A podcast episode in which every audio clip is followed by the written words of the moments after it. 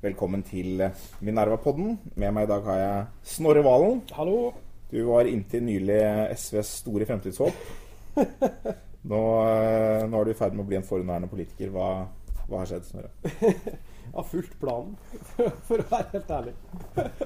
Um, jeg lovte meg sjøl å sitte i åtte år, og det Jeg tror faktisk jeg sa det ganske rett ut òg da jeg tok gjenvalg for fire år siden. Ja. Eh, men jeg tror ikke Ingen som tror på sånt. Nei, nei for det, man tror det bare er koketteri. ikke sant? Mm. Men jeg, tror, jeg sa det nesten rett ut i adressa at nå fire år til, og så er jeg ferdig. Ja. Uh, og jeg mener det, men uh, jeg ble ikke hørt. Du trekker deg sammen med Heikki Eidsvoll Holmås og Bård Vegar Solhjell, som heller ikke stiller til gjenvalg. Men med en forskjell. Ja, med de, de går lenger ut av politikken enn det Ja, jeg fortsetter jo formodentlig partiledelsen. Mm. hvis landsmøtet hvis de, du får tillit. Ja.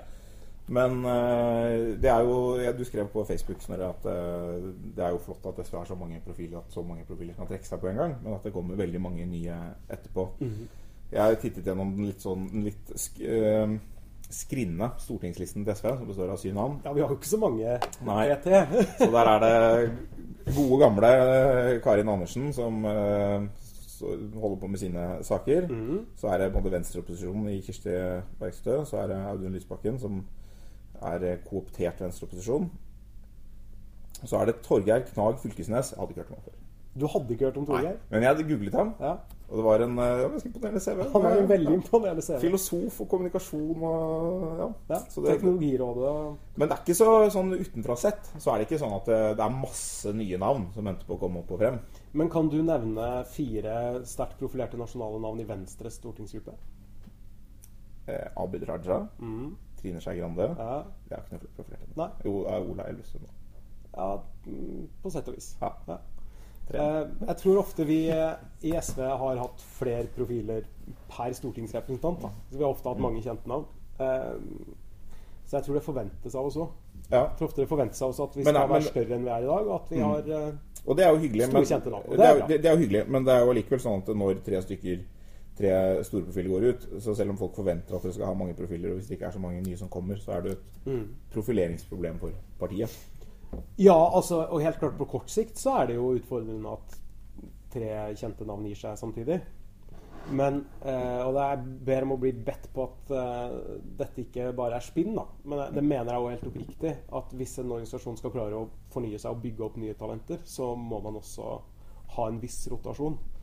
Eh, og det er jo ikke så lenge siden folk syntes det var veldig dramatisk at Inga Marte gikk ut av Stortinget og partiledelsen f.eks. Og det er ikke så lenge siden jeg var et ganske ukjent navn i nasjonal politikk heller. Så det handler også om hvor flink vi som parti er til å bygge opp nye navn da, og gi dem plass.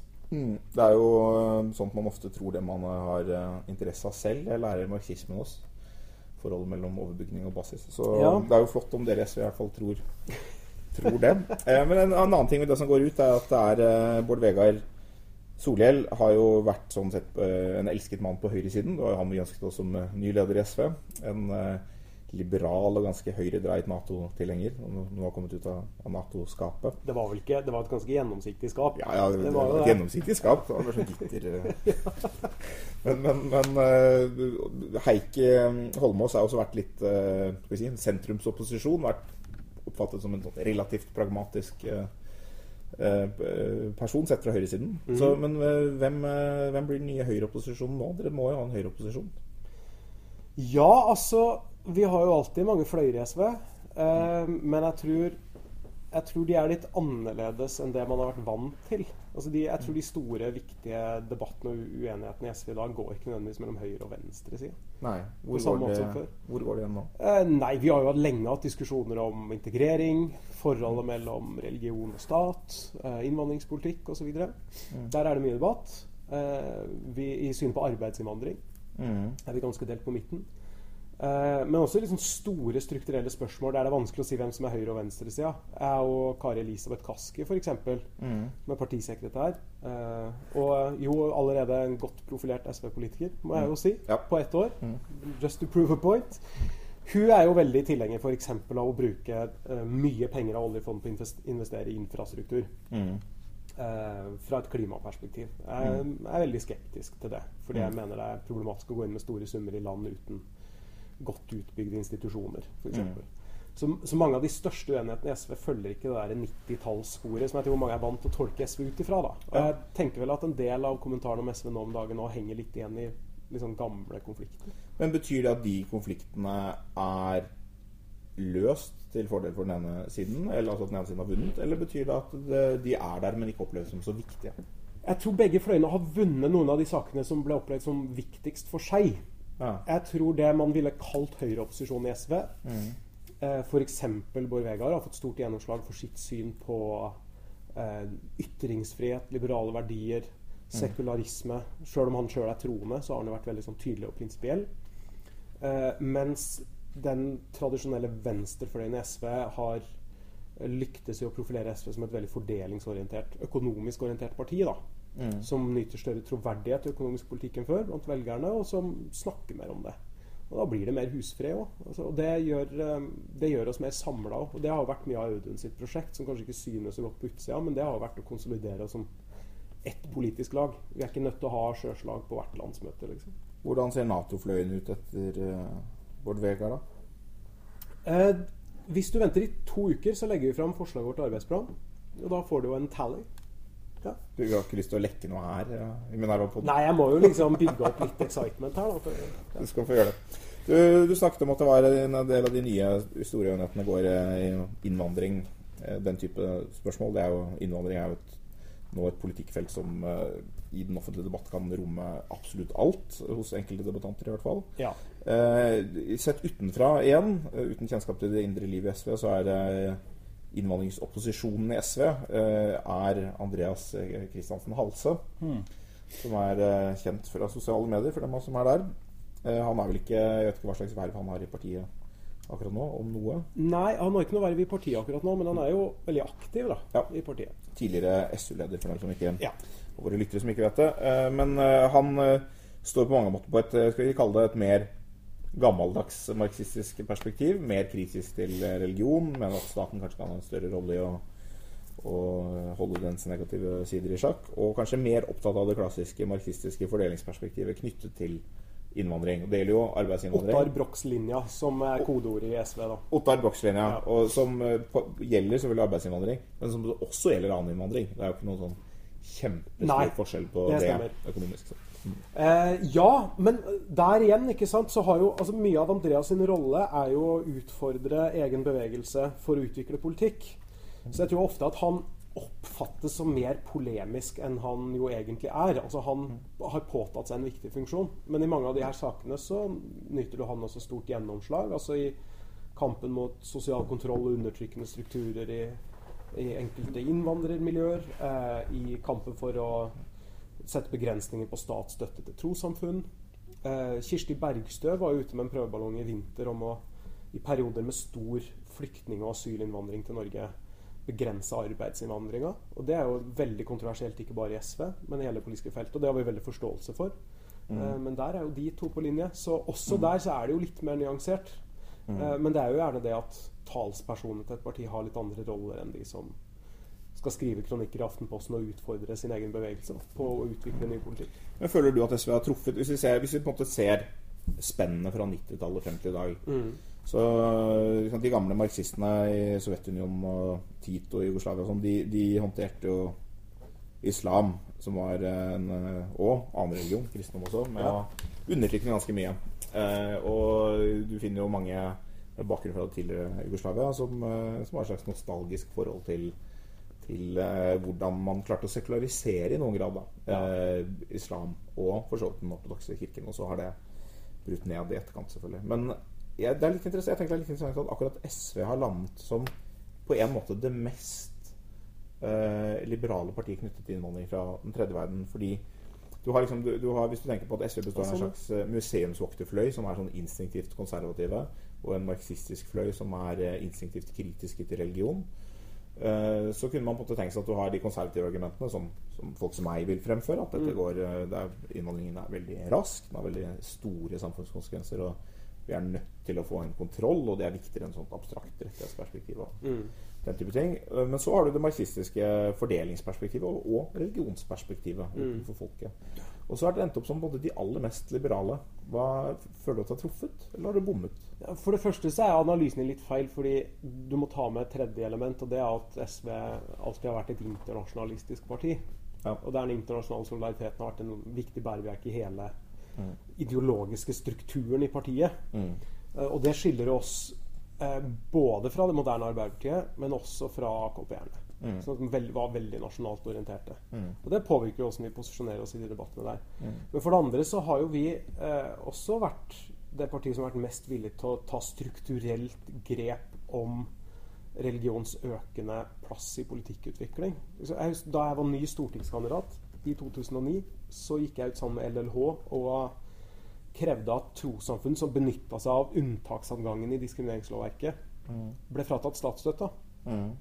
Og det var ut fra den logikken at det så klart er en menneskerett å, å kunne mm, være tilhenger av hvilken som helst religion i Norge. Mm. Det Men det er ikke, menneskerett å få statsstøtte. det er ikke en menneskerett å få penger av staten.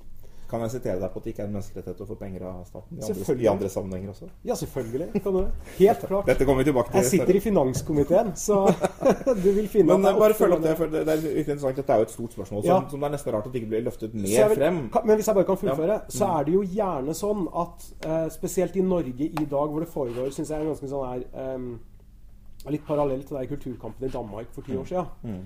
Så er det jo mange som har interesse av å framstille SV som et parti som er en ukritisk, vil ta inn veldig mange innvandrere er. og vil behandle enhver reaksjonær imam veldig soft. Mm. Men, men det er grunn til å minne om at også den første partilederen som tok ordentlig tak i i offentlig debatt, eh, profetens umma og Islamnett, det var jo Audun.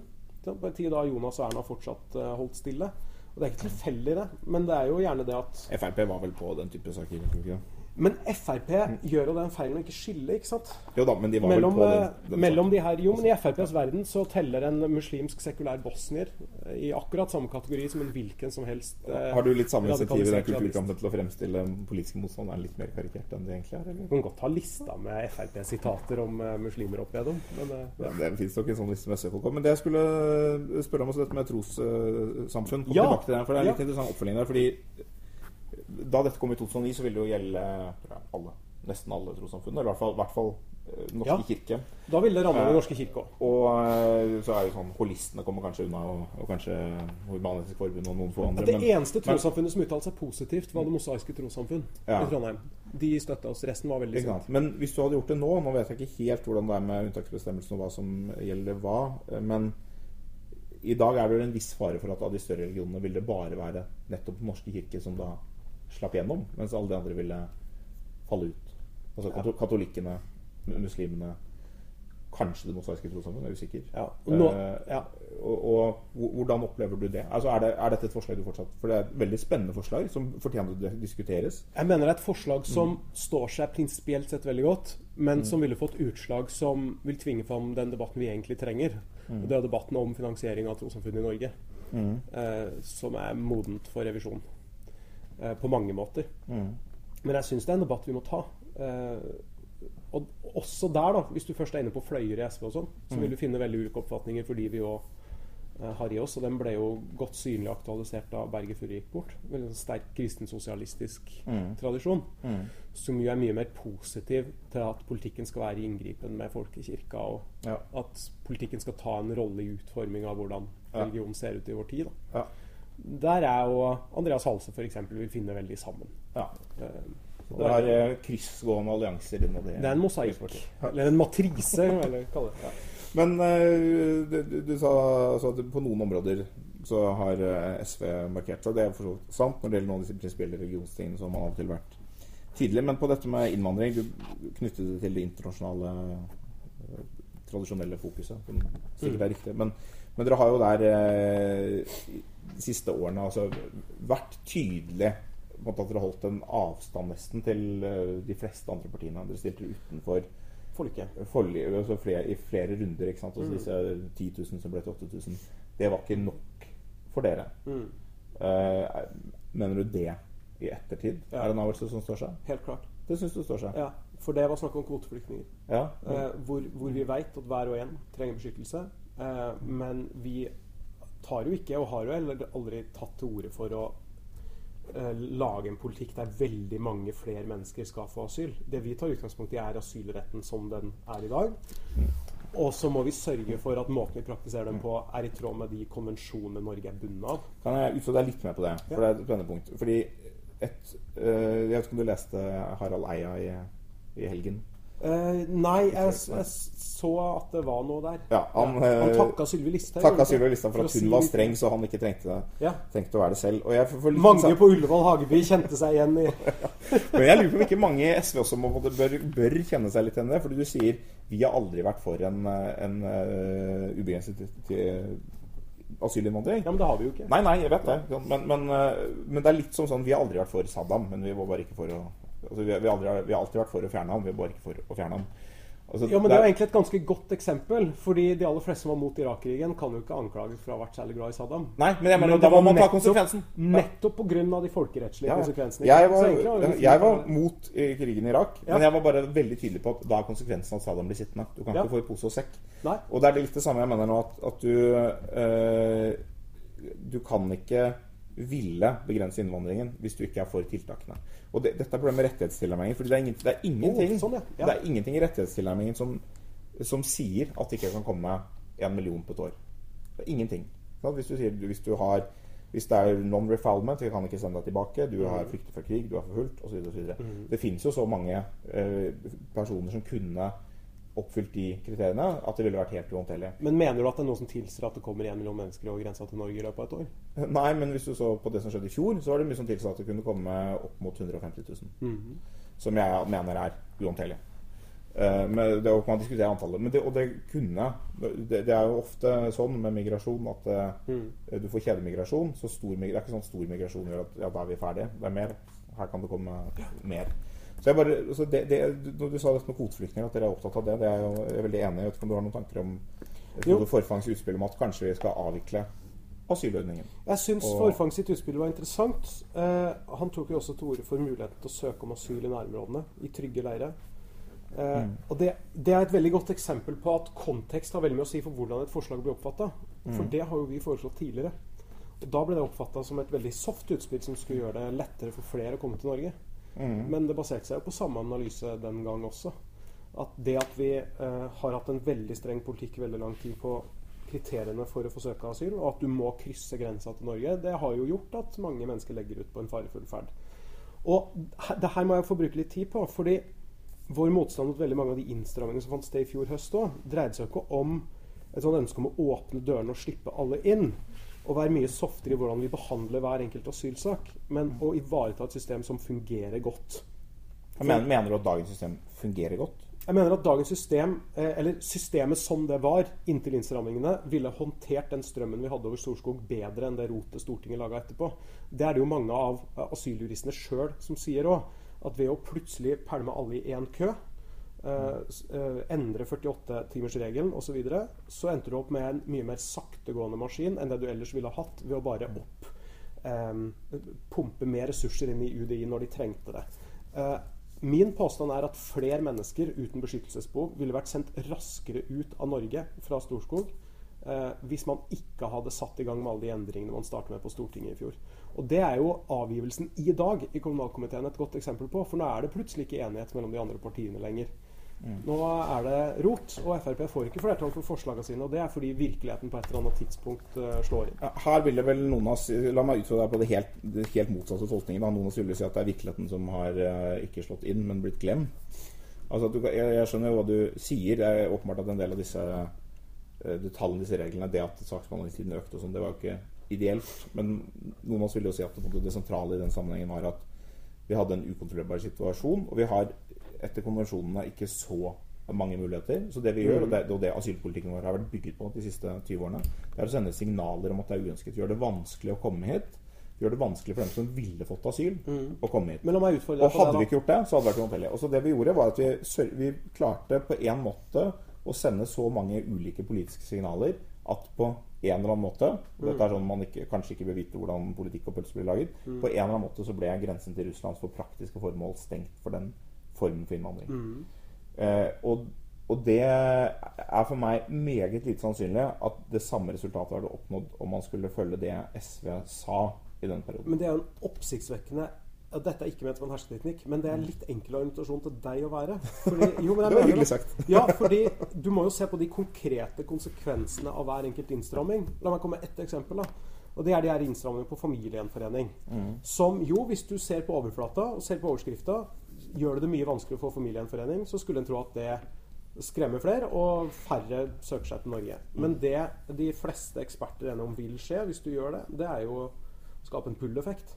For istedenfor at det da er én fra familien som tar risikoen og reiser, kommer seg til Norge, søker asyl og så søker familiegjenforening, så legger hele familien ut. Ja, jeg vil gjerne at det skjer to, at det skjer to effekter. Russland, skjer- eller på en farefull reise over Middelhavet. Det er to effekter. altså Det er flere som gjør det, men det er også flere som søker seg til andre land enn Norge. Mitt poeng er at det er det greit, det er det greit å vite enkel konsekvensene av. analyse til å Nei, være her. for mitt poeng er at det er greit å vite hva de konsekvensene faktisk blir, før du setter alle deler av Stortingets forretningsorden til side og hastebehandler forslag som man ellers ville brukt et år på å Men vi kunne ikke brukt et år i den situasjonen oppi. Det er du enig i? Nei, og Da er mitt poeng igjen, da, at uh, ja, Brynulf Risnes eksempel, han sa det jo rett ut på TV 2 i vinter at eh, mange mange flere mennesker uten beskyttelsesbehov raskere kunne vært sendt ut. Eh, hvis det var sånn at man fulgte de rutinene man hadde, og heller sørge for at UDI fikk ordentlig saksbehandlingskapasitet. Med systemet vi hadde før, så var det fullt mulig å sende mennesker ut raskt som åpenbart ikke hadde beskyttelsesbehov. Til Russland og til Tyrkia, til Syria. Nei, men der kommer jo de internasjonale konvensjonene inn i bildet. da, At i de tilfellene hvor man ikke skal sende mennesker tilbake til Russland, som er dømt i Strasbourg, jeg vet ikke, var det 1200 ganger de siste åra, ja, da er det en god grunn til det. Og Derfor syns jeg det mest problematiske punktet, og det her og vi krangla litt om tidligere òg, det er nettopp fordi vi gir signaler gjennom politikken vår. Det er ikke bare konsekvensene på bakken her og nå av politikken som er viktig, men signalene de gir ut. Ja, Så det er viktig med signaler. Når vi sier at vi vil reforhandle konvensjonene som regulerer retten til å søke asyl, og hvordan vi skal behandle flyktninger, så plasserer vi oss i et bilde eh, i Europa der det er ja, fordums despotiske regimer i øst, med en sterkt voksende høyreekstrem politisk fløy, samt UK som vil ut av EMK, som ønsker det samme som oss. Og Det er veldig uheldig, for Men- det svekker jo de rettighetene de mest sårbare menneskene har. La oss ta, ta litt tid på dette, for det er, det er et, et viktig spørsmål. Fordi det du tar opp nå, er jo eh, Her tar du opp bekymringer som jeg deler i, en viss, i en viss grad. Også, men det skaper noen dilemmaer. Fordi altså, det å på en måte bare Og det er jeg helt enig i. Ja, altså, abandonship fra, fra regimer når vi ikke vet hva som kommer i stedet. og vi vet, altså, Selv om Norge kan være strenge og trekke seg konvensjoner, så hvis hele systemet kollapser, så, så får vi et vanskelig forhold til alle våre naboland. og Eh, og sånn, og Vi er usikre på om det finnes noe internasjonalt system for å håndtere flyktninger. i det hele tatt, og Det, er en del av andre konvensjoner. Liksom. det, det er åpenbart en fare. Men, jeg, men man står overfor det dilemmaet at hvis man ikke klarer å Edmund Burke sa det jo klokt. Hvis man, eh, hvis man ikke har muligheten til noe endring, så har man heller ikke muligheten til å bevare ting. Og det er jo på en måte det som er spørsmålet, om ikke den internasjonale migrasjonen har endret så karakter så fundamentalt og blitt så stor eh, og blitt så sammenblandet økonomisk migrasjon og annen migrasjon at det er eh, krevende å håndtere det innenfor det systemet vi har. Og det, og det, du sa nesten noe kontekst. Ikke sant? Det er, når Forfang snakket om mottakssenteret, så snakket han jo også om et system der man har en annen grad av kontroll på hvor mange som kommer på nasjonalt nivå. og på en måte gjør det. Jeg mener ikke at flyktningpolitikken er udemokratisk. Den har vært vedtatt av suksessive storting, men hvor man har en mer direkte, eh, direkte politisk kontroll. Hvor det på en måte kan vedtas. Det følger ikke bare av, av, av Og regelverket. er det et system som bunner i framforhandla internasjonale avtaler med det mål for øye å sørge for at de menneskene som trenger beskyttelse, får det? Da må vi ta til orde for å endre den. Så, ja, så er jo vi med på det. Er dere, for dere er åpne for å reforhandle flyktningkonvensjonen? Vi er ikke åpne for å vedta det i et flyktningforlik som helt åpenbart hadde det ene formålet å begrense hvor mange mennesker med behov for beskyttelse som kom til Norge. Der har konteksten noe å si. Og Så det, det er en, retor det er en retorisk uh, uenighet, altså. Ja, men det er du jo enig i. På samme måte som jeg kan si at det er mot brexit. Sjøl om jeg er mot norsk EU-medlemskap, så er det jo selvfølgelig fordi kontekst har veldig mye å si. Jeg er veldig mot brexit. Ja, og, når tone, og når de toneangivende kreftene som vil ut av EU i Storbritannia, er UKIP og ytre høyre, så er det selvfølgelig sånn at det må med i regninga. Ja, det må være regningen. Men da, da går vi over til dette blir på en måte det blir siste temaet. og Det er, dette er en vanskelig sak. Altså hvordan eh, Hvordan tar man opp relevante deler av en viktig agenda eh, som deles av populister? Enten det er høyrepopulister eller venstrepopulister. Det har jo vi en viss erfaring med. Ja, ja men, men det er også sånn spørsmål om, om eh, har dere truffet og jeg kan ta det videre, Har vi, har mange av oss truffet Mm. der? Eh, Det er en Eh, det er en utfordrende ting. Jeg husker Nå skal jeg komme med en avsløring og åpenhjertig avsløring direkt på direkten her. Jeg tok, Mm. tok opp en samtale med en god venn som jobber på, på innvandringsfeltet. Uh, I en sosial sammenheng for en del år siden. Dette, nettopp dette med konvensjonene som Forfang har snakket om Ja. nå. Uh, og det var eh, Han kunne se argumenter for det og sånn, men jeg, jeg opplevde at det var så betent å ta opp det, og det ville ha den signaleffekten. Eh, og, det, og jeg opplevde jo ikke situasjonen på asylfeltet da som så akutt som den senere ble. Men syns du den er jeg... akutt i Norge i dag? Nei. Den Ja. er jo ikke det. Nei, men vi tåler jo det her. Altså, vi har et godt system som håndterer det, og som sender de menneskene som ikke har beskyttelsesbehov, ut. Altså, det er noe med at graden av dramatikk Ja. i høstmåneden i fjor Mm. tjener jo ikke Stortinget til ære. Det var ikke akkurat lederskap vi var vitne til. Det var Ja, panikk. Ja, det, jeg er enig at det var panikk, men, men, men altså, jeg tror det kommer litt an på hvordan du ser det. Altså, på kort Ja. sikt så håndterer Norge nesten hva som helst. Altså, eller, ja, ikke hva som helst, men vi håndterer jo 100 000 mennesker. Det går fint. ikke sant? Vi klarer det som sådan. Kom ikke 100 000. Nei, nei, nei, men vi, vi kunne klart det Ja. hvis det var et engangstilfelle. Men jeg, jeg har jobbet med, med asyl og innvandring i, som, som skribent da, kommentator i mange år. Og, Mm. Eh, det er klart at Halvparten av alle innvandrere til Norge har kommet de siste ti årene. Eh, Den totale innvandrerbefolkningen er eh, 850 000 omtrent. Mm. Eh, antall fra ikke-vestlige land er nærmer seg 500 000. Det er jo ikke sånn, ikke Hadde det vært sånn Det er Syria. Det er bare Syria. Så kunne vi på en måte lagt en plan og håndtert det. Men det er ikke bare Syria. Vi Etiopia. ja, og når det er ferdig, er så kommer det noe nytt.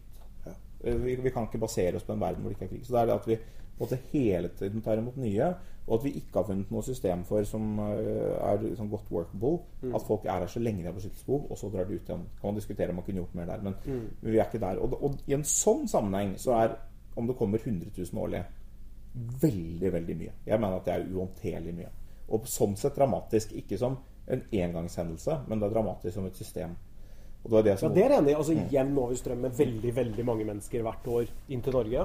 Ja, det er det. Og det var på en måte det vi så i fjor, mener jeg. At det var sant, det var ikke noe sånt det skjedde noe dramatisk akkurat da.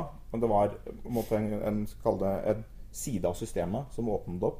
Og når den først var funnet, så så man da ble det, da ble det sånn. Og da ble det viktig å si at sånn kan ikke systemet være. Det var Men- det dramatikken besto i. på en måte. Men du er jo en konservativ redaktør i et uh, liberalkonservativt tidsskrift. Ja. Og du må jo òg være enig i at ja, sjøl om det var en på mange måter dramatisk situasjon, så er det ikke et sunnhetstegn for det politiske Norge eh, at det første man gjorde, var å sette Stortingets forretningsorden til side og uten komitébehandling banke gjennom svært vidtrekkende lovendringer uten noe konsekvensutredning.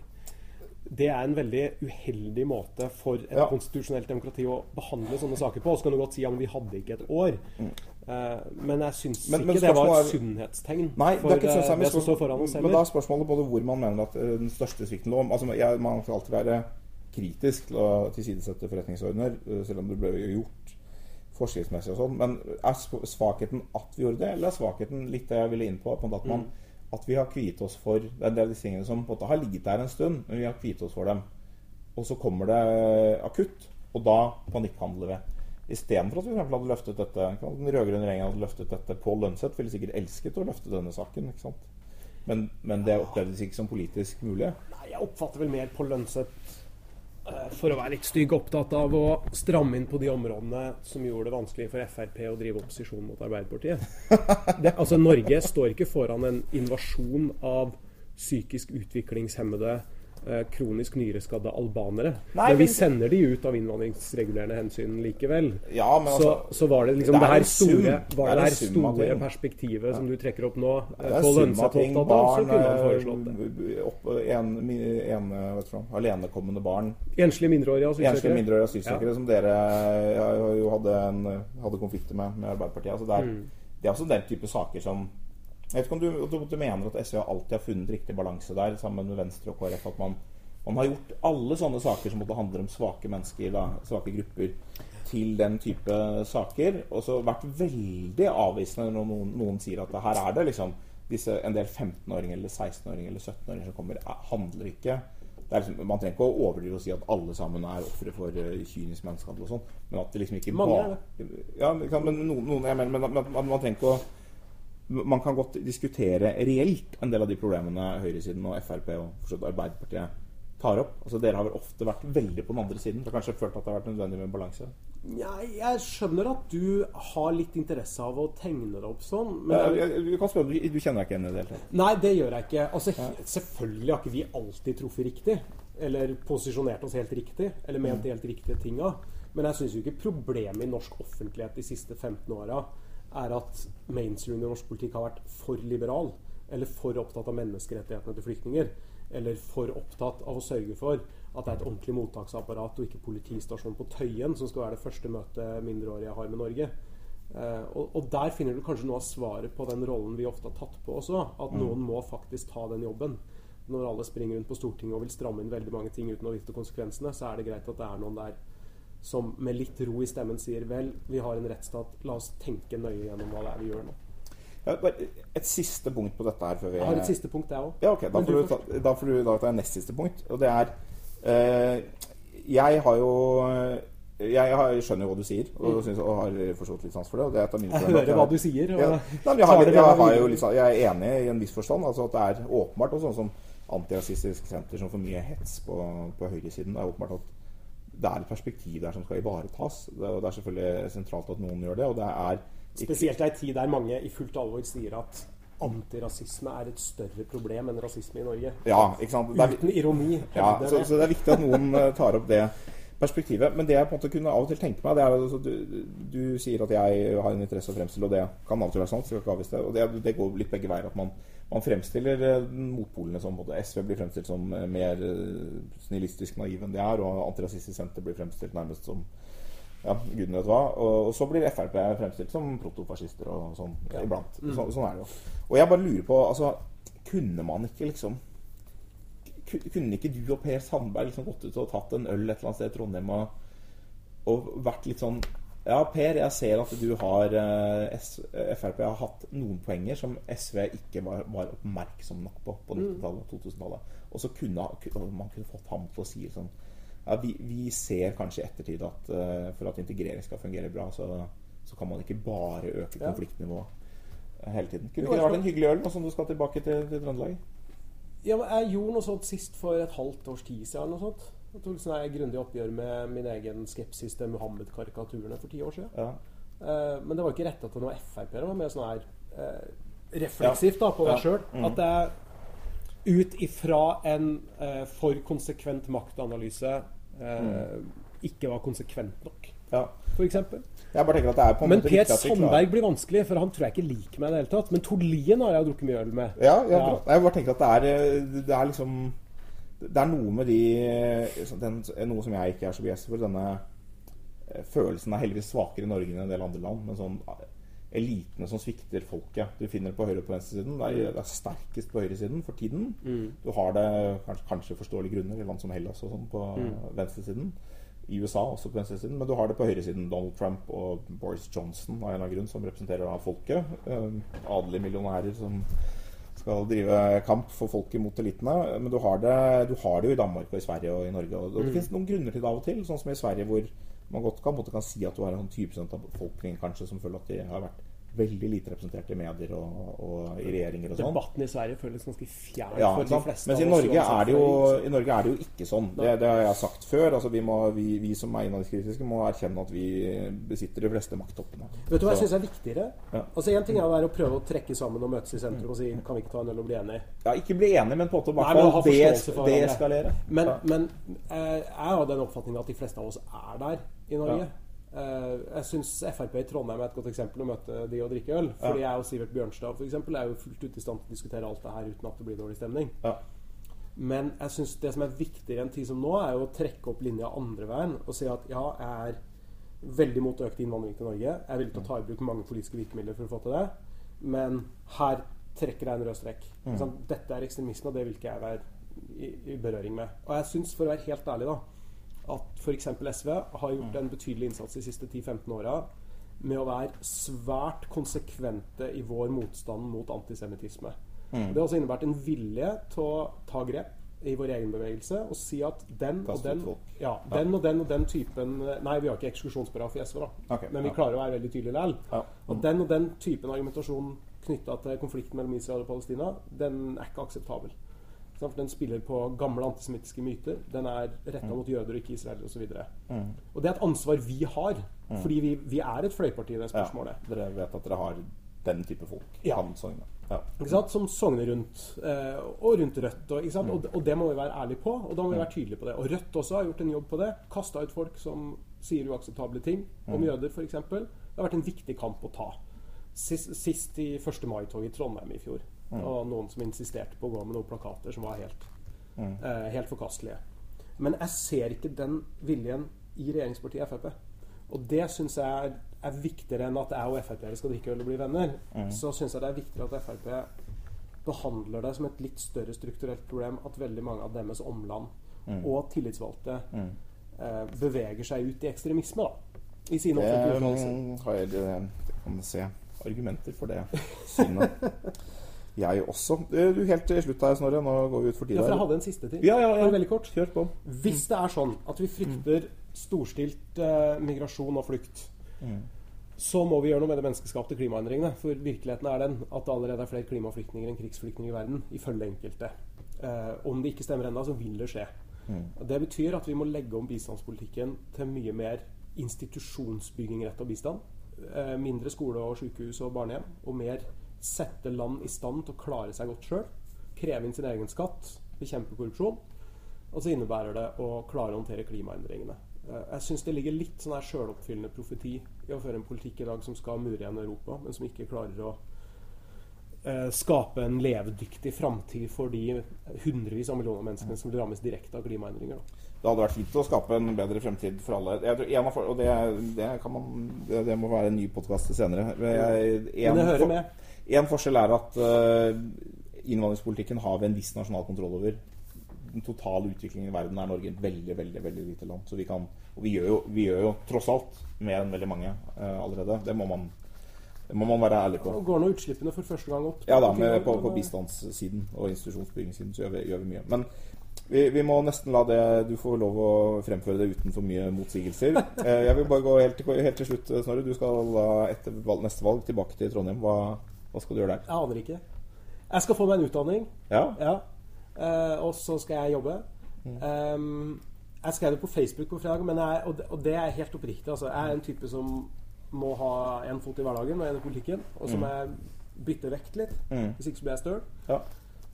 Um, så som sagt har jeg tenkt lenge at det holder med åtte år nå. Mitt store forbilde er Marit Arnstad, Mm. som gikk ut av Stortinget, gjorde masse andre ting, bygde opp masse erfaring fra andre steder.